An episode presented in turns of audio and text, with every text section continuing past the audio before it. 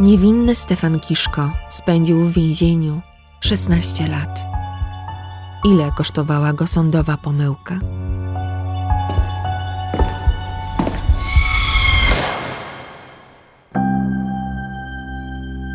Jedenastoletnia Leslie Molsit została uprowadzona i zamordowana w West Yorkshire 5 października 1975 roku.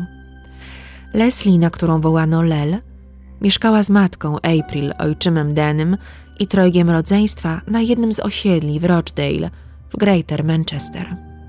Przyszła na świat z wrodzoną wadą serca. Gdy miała trzylatka, przeszła poważną operację kardiologiczną. Przeżyła, jednak rozwijała się znacznie wolniej od innych dzieci. Była drobna i słaba, również jej intelekt rozwijał się znacznie wolniej. Było wczesne niedzielne popołudnie 5 października 1975 roku. Leslie, poproszona przez matkę, poszła do sklepu po chleb i odświeżacz powietrza. Nie było to nic niezwykłego, tak jak jej rodzeństwo pomagała mamie w domu, między innymi załatwiała sprawunki. Dziewczynka była ubrana w niebieski płaszcz przeciwdeszczowy, miała niebieską płócienną torbę i jednego funta w gotówce na zakupy. Ostatni widzieli ją przechodnie na deptaku prowadzącym do sklepu, a potem ślad po niej zaginął. April wysłała po nią pozostałe dzieci. Później do poszukiwań dołączył ojczym. Była godzina piętnasta. Leslie nie dotarła do sklepu i nie wróciła do domu.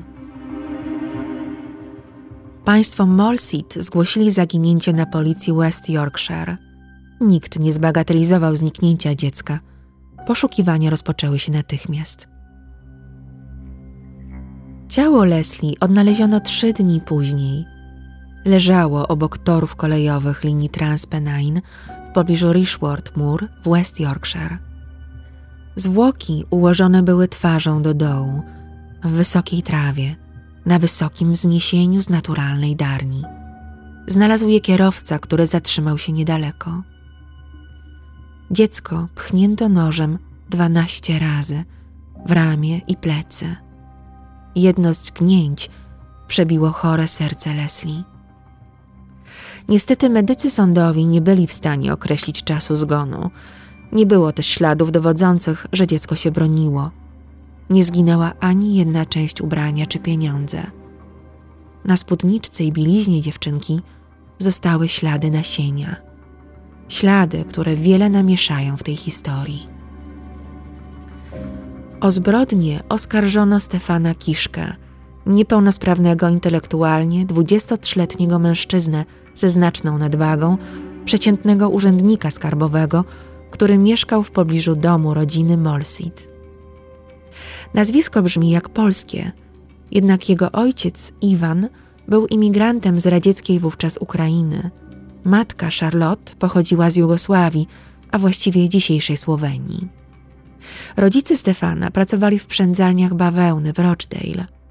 Iwan zmarł w 1970 roku na atak serca. Od tamtej pory młody Kiszko mieszkał sam z matką. Być może nigdy nie zwrócono by uwagi na Stefana, gdyby nie zeznania czterech dziewcząt.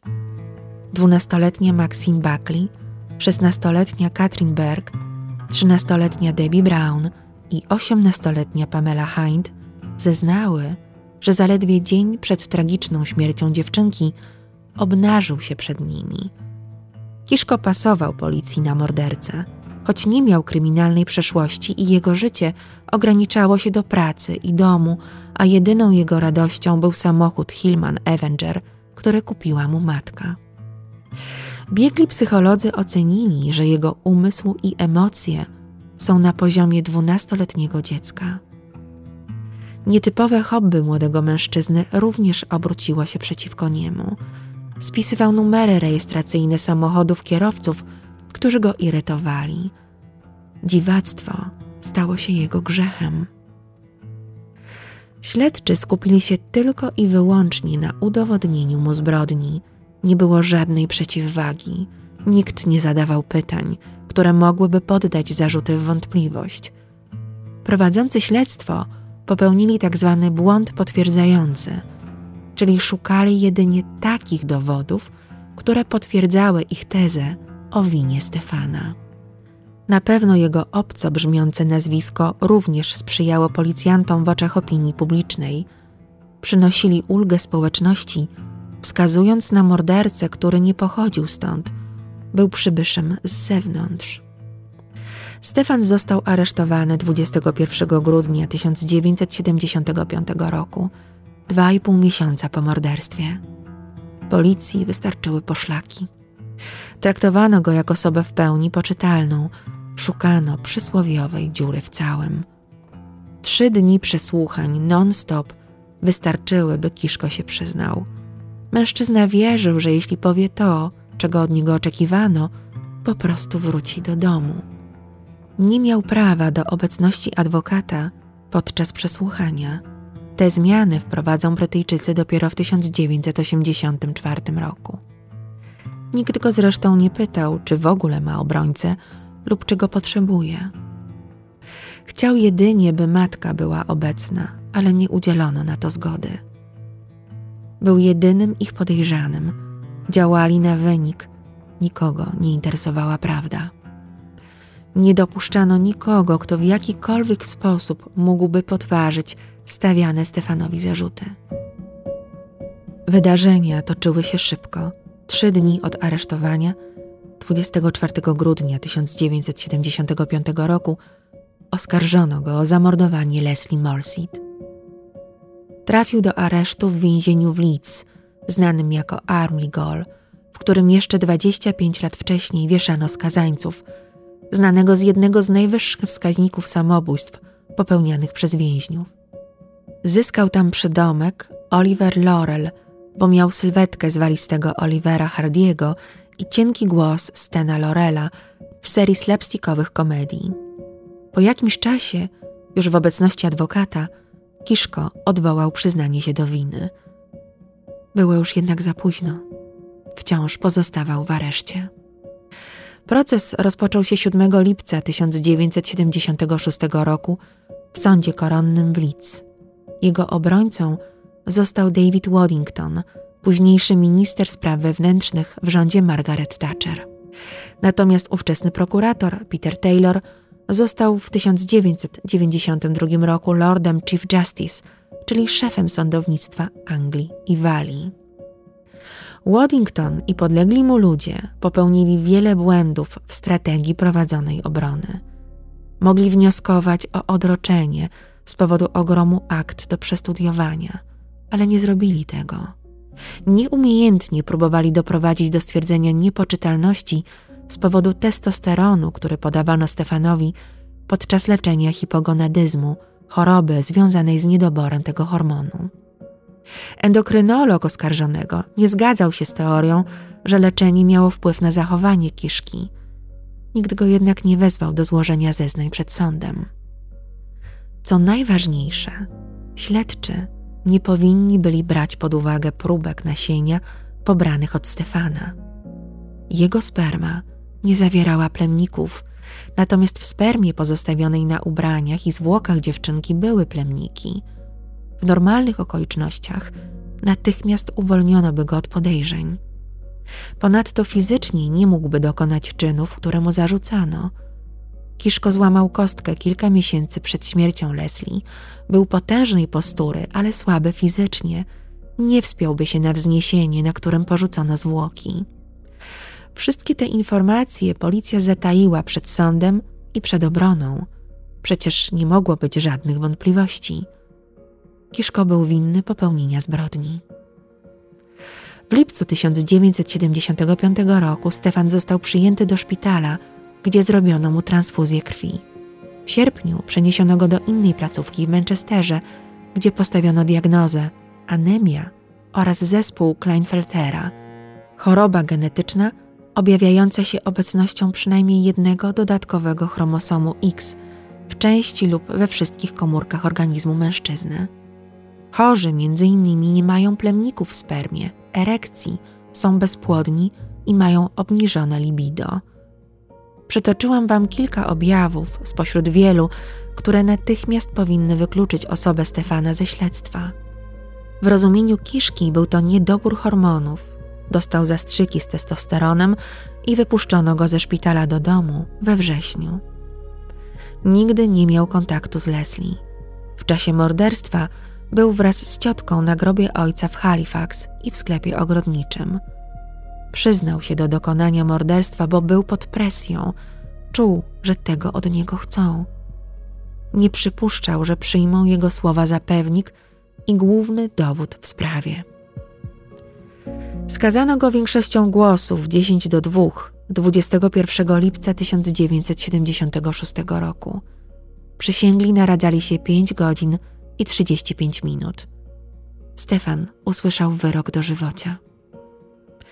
Nastolatki, które złożyły na niego donos, doczekały się od sędziego pochwały za odwagę i uczciwość. Również swoje pięć minut mieli śledczy i policjanci, którzy byli chwaleni za skuteczną walkę o prawdę i pojmanie winnego. Matka jednej z dziewczynek zarzucała policji, że za późno aresztowała Kiszkę. Żądała powieszenia mężczyzny.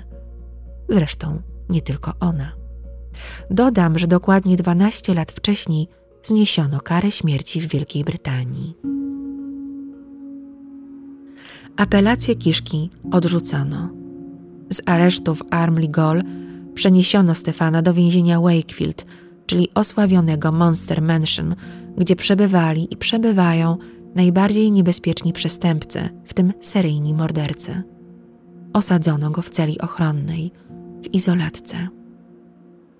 W więzieniu, jak zapewne się domyślacie, był wrogiem numer jeden, grożono mu śmiercią. Fizycznie napadnięto na niego cztery razy. Pierwszy raz już dzień po przeniesieniu go do Wakefield 24 sierpnia 1976 roku. Do jego celi wtargnęło pięciu więźniów. Ukradli mu zegarek, rozbili radio, pocięli usta, zranili w kolano i kostkę. Twierdzili, że zrobili to specjalnie na urodziny Leslie. Po raz ostatni taki incydent miał miejsce w marcu 1981 roku, kiedy to Kiszko dostał w twarz na dziedzińcu więziennym od jednego z osadzonych. Tym razem jednak pokazał, że życie za murami więzienia zmieniło go i walczył w bójce jak równy z równym. Więźniów rozdzielili strażnicy. Pozostałe 11 lat od siatki spędził we względnym spokoju. Zapewne znaleziono sobie inne ofiary. Ponadto często przebywał w skrzydle szpitalnym, a poza nim w celach z najmniej groźnymi osadzonymi. Od końca 1979 roku miał objawy schizofrenii, silne urojenia, że padł ofiarą spisku mającego na celu przetestowanie na niewinnym urzędniku skutków uwięzienia. W styczniu 1980 roku było jeszcze gorzej. Twierdził, że odbierał zakodowane wiadomości podczas programu Jimmy Young Show nadawanego przez BBC Radio 2, że Barry Manilow śpiewa napisane przez niego piosenki. Jego upieranie się, że jest niewinny, zaliczano właśnie na poczet urojeń. Jak to określił jeden z więziennych psychiatrów, miał urojenia niewinności. Nieleczona schizofrenia więźnia pogłębiała się. Mijały lata, Stefan cierpiał i walczył z chorobą bez żadnej pomocy farmakologicznej czy terapeutycznej. Przenoszono go z więzienia do więzienia. Dopiero w sierpniu 1987 roku, na niecałe dwa lata, trafił do specjalistycznego zakładu w Grendon, gdzie prowadzone są programy terapeutyczne. Kiszko trafiłby do programu leczenia przestępców seksualnych, gdyby przyznał się do winy. Odmówił, ponieważ w ocenie terapeutów penitencjarnych nie zrobił żadnych postępów, wrócił do Wakefield. Przez cały ten czas tylko matka wierzyła w jego niewinność. Nikt jednak jej zdania nie brał pod uwagę ani społeczeństwo, ani politycy, ani wymiar sprawiedliwości. W 1984 roku Charlotte, matka Stefana, zwróciła się do Justice, brytyjskiej organizacji praw człowieka, która zajmuje się badaniem pomyłek sądowych.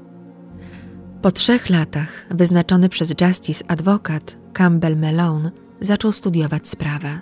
Przez kolejne dwa lata pracował nad petycją do ministra spraw wewnętrznych. Wysłano ją 16 października 1989 roku, w dzień, gdy dawny obrońca Kiszki został ministrem spraw wewnętrznych. Musiało minąć kolejnych 16 miesięcy. Tryby wymiaru sprawiedliwości pracowały niezwykle powoli.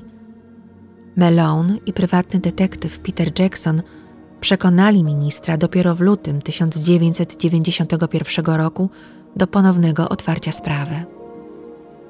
Nowo otwartym śledztwem zajął się nadinspektor Trevor Wilkinson. Dowody medyczne wystarczyły do uniewinnienia Stefana. Znaleźli się również świadkowie, którzy widzieli kiszkę z ciotką na grobie ojca w czasie, gdy morderca porwał Leslie. Wcześniej też składali zeznania, ale tylko na policji. Nikt nie wezwał ich do sądu, gdy toczyła się rozprawa. Cztery dziewczynki, wtedy już w wieku 27, 28, 31 i 33 lata, przyznały się do kłamstwa o rzekomym obnażeniu się przed nimi. Kłamały dla zabawy. Nie przeprosiły, nie poczuwały się do winy. Tylko jedna z nich uznała to za bardzo głupie. Powoli zbliżamy się do końca gehenny Stefana. Zaplanowano pierwsze przesłuchanie Kiszki w sprawie zwolnienia warunkowego na grudzień 1992 roku. Zwolnienie doszłoby do skutku, gdyby się przyznał do winy. Co za ironia. Miał też przekonać komisję, że nie stanowi już zagrożenia dla społeczeństwa. 17 lutego 1992 roku, czyli 10 miesięcy przed wyznaczoną rozprawą o zwolnienie warunkowe, przesłuchało go trzech sędziów. Na rozprawie byli obecni rodzice Leslie, przekonani jak dotychczas o jego winie. Jednak przedstawione dowody wskazywały jednoznacznie: Kiszko był niewinny. Jeden z sędziów podsumował: Wykazano, że ten człowiek nie może produkować nasienia.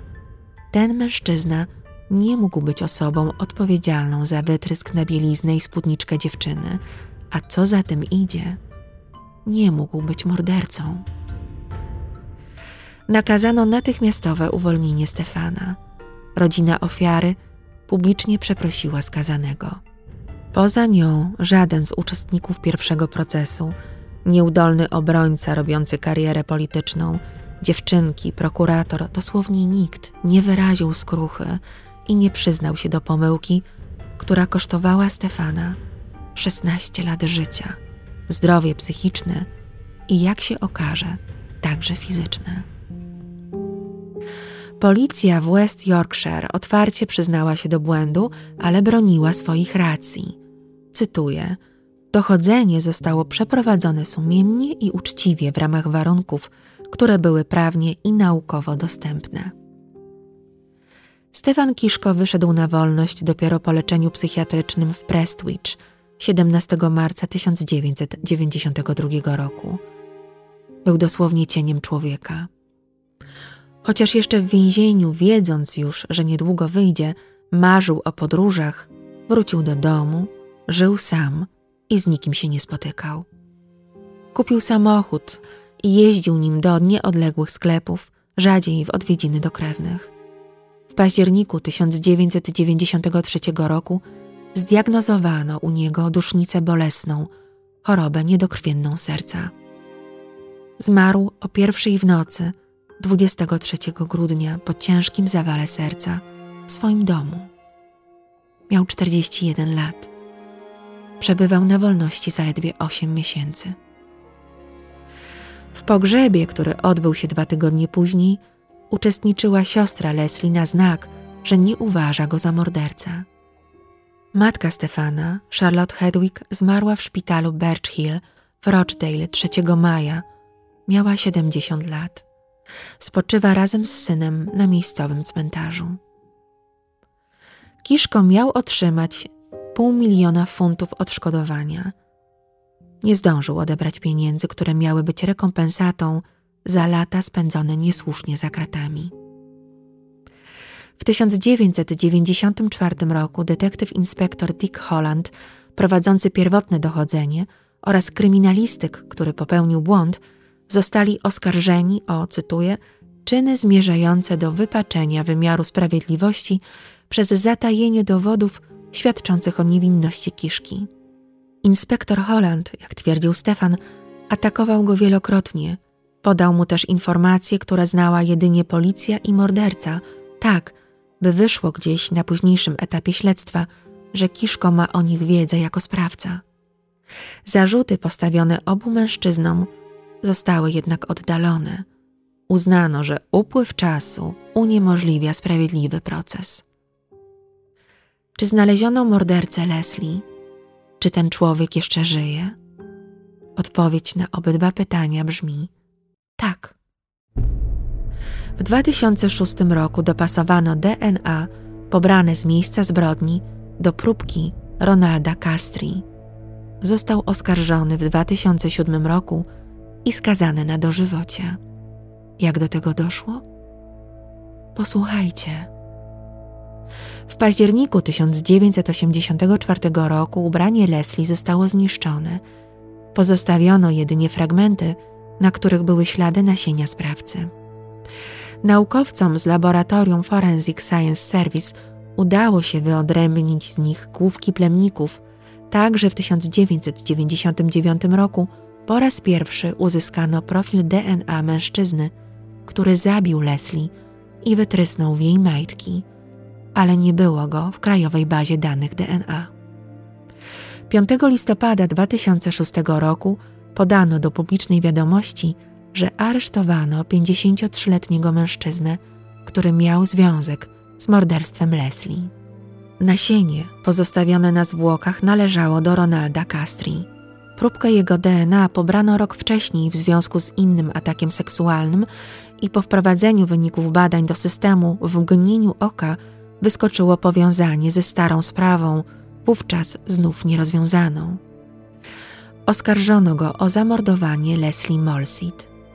Mężczyzna nie przyznawał się do winy. Kim był? Pochodził z tej samej okolicy, w której mieszkała dziewczynka i był przez wiele lat taksówkarzem. Nielubiany przez sąsiadów, znienawidzony przez byłą żonę, która oskarżała go o przemoc domową.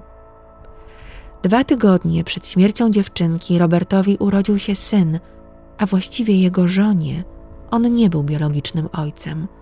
Dziecko było owocem romansu kobiety. 3 października 1975 roku, dwa dni przed śmiercią Leslie, żona Roberta trafiła z powodu zakrzepicy żył do szpitala, w którym zatrzymano ją na tydzień. Castri został sam w dniu morderstwa. To on porwał i zadźgał jedenastoletnią dziewczynkę. To on dokonał zbrodni, za którą niewinny człowiek spędził 16 lat w więzieniu. To nie koniec jego zbrodni, które niestety policja i sąd zbagatelizowały. Aż trudno uwierzyć, ile wysiłku włożono, by znaleźć dowody winy Stefana Kiszki i zarazem, jak mało poświęcono uwagi przestępstwom i ofiarom Roberta. Posłuchajcie. 3 lipca 1976 roku Castri porwał i molestował dziewięcioletnią dziewczynkę. Przyznał się do winy. Ukarano go grzywną w wysokości 25 funtów. Dwa lata później dostał kolejną grzywnę 50 funtów za porwanie i ciężkie pobicie siedmioletniego chłopca. 22 października 2007 roku rozpoczął się proces w sądzie Bradford. Biegli podkreślili, że szanse, iż próbki należały do kogoś innego niż Castri, były jak jeden na miliard. 12 listopada uznano go winnym zamordowania Leslie Molsit. Skazano go na dożywocie z możliwością zwolnienia warunkowego po 30 latach ma szansę ubiegać się o wyjście na wolność w 2036 roku, jeśli dożyje. Będzie miał wtedy 83 lata. Historia, którą Wam przedstawiłam, przypomina sprawę Tomasza Komendy, niewinnie skazanego na 25 lat za zgwałcenie i zabójstwo 15-letniej dziewczynki. Komenda odsiedział 18 lat, zanim go uniewinniono w 2018 roku. Dziś cieszy się wolnością, nową rodziną i 12 milionami odszkodowania, które mu wypłacono. Zapewne to za mało, by wyrównać krzywdy, jakich doświadczył podczas 6540 dni spędzonych w więzieniu, gdzie znęcano się nad nim psychicznie i fizycznie. Trzy razy próbował popełnić samobójstwo. Stefan Kiszko przegrał na całej linii, wyszedł za późno. Więzienie go po prostu zabiło. Winni jego cierpień i w konsekwencji śmierci pozostają nietykalni. Źródła, z jakich korzystałam przy przygotowaniu niniejszego odcinka, to archiwalne artykuły i materiały opublikowane przez BBC News, Sky News, Manchester Evening News, The Guardian, The Independent, The Times i Daily Telegraph. O sprawie usłyszałam dzięki lekturze książki Davida Wilsona pod tytułem Mordercy. Autor, były dyrektor więzienia i profesor kryminologii, rozmawiał ze Stefanem Kiszko. To on sugerował mu terapię dla przestępców seksualnych i to on namawiał go do przyznania się do winy, przekonany wówczas, że rozmawia z mordercą.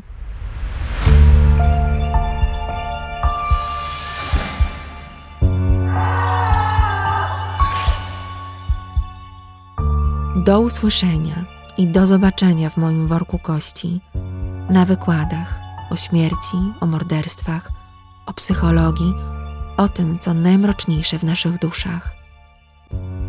Renata z worka kości.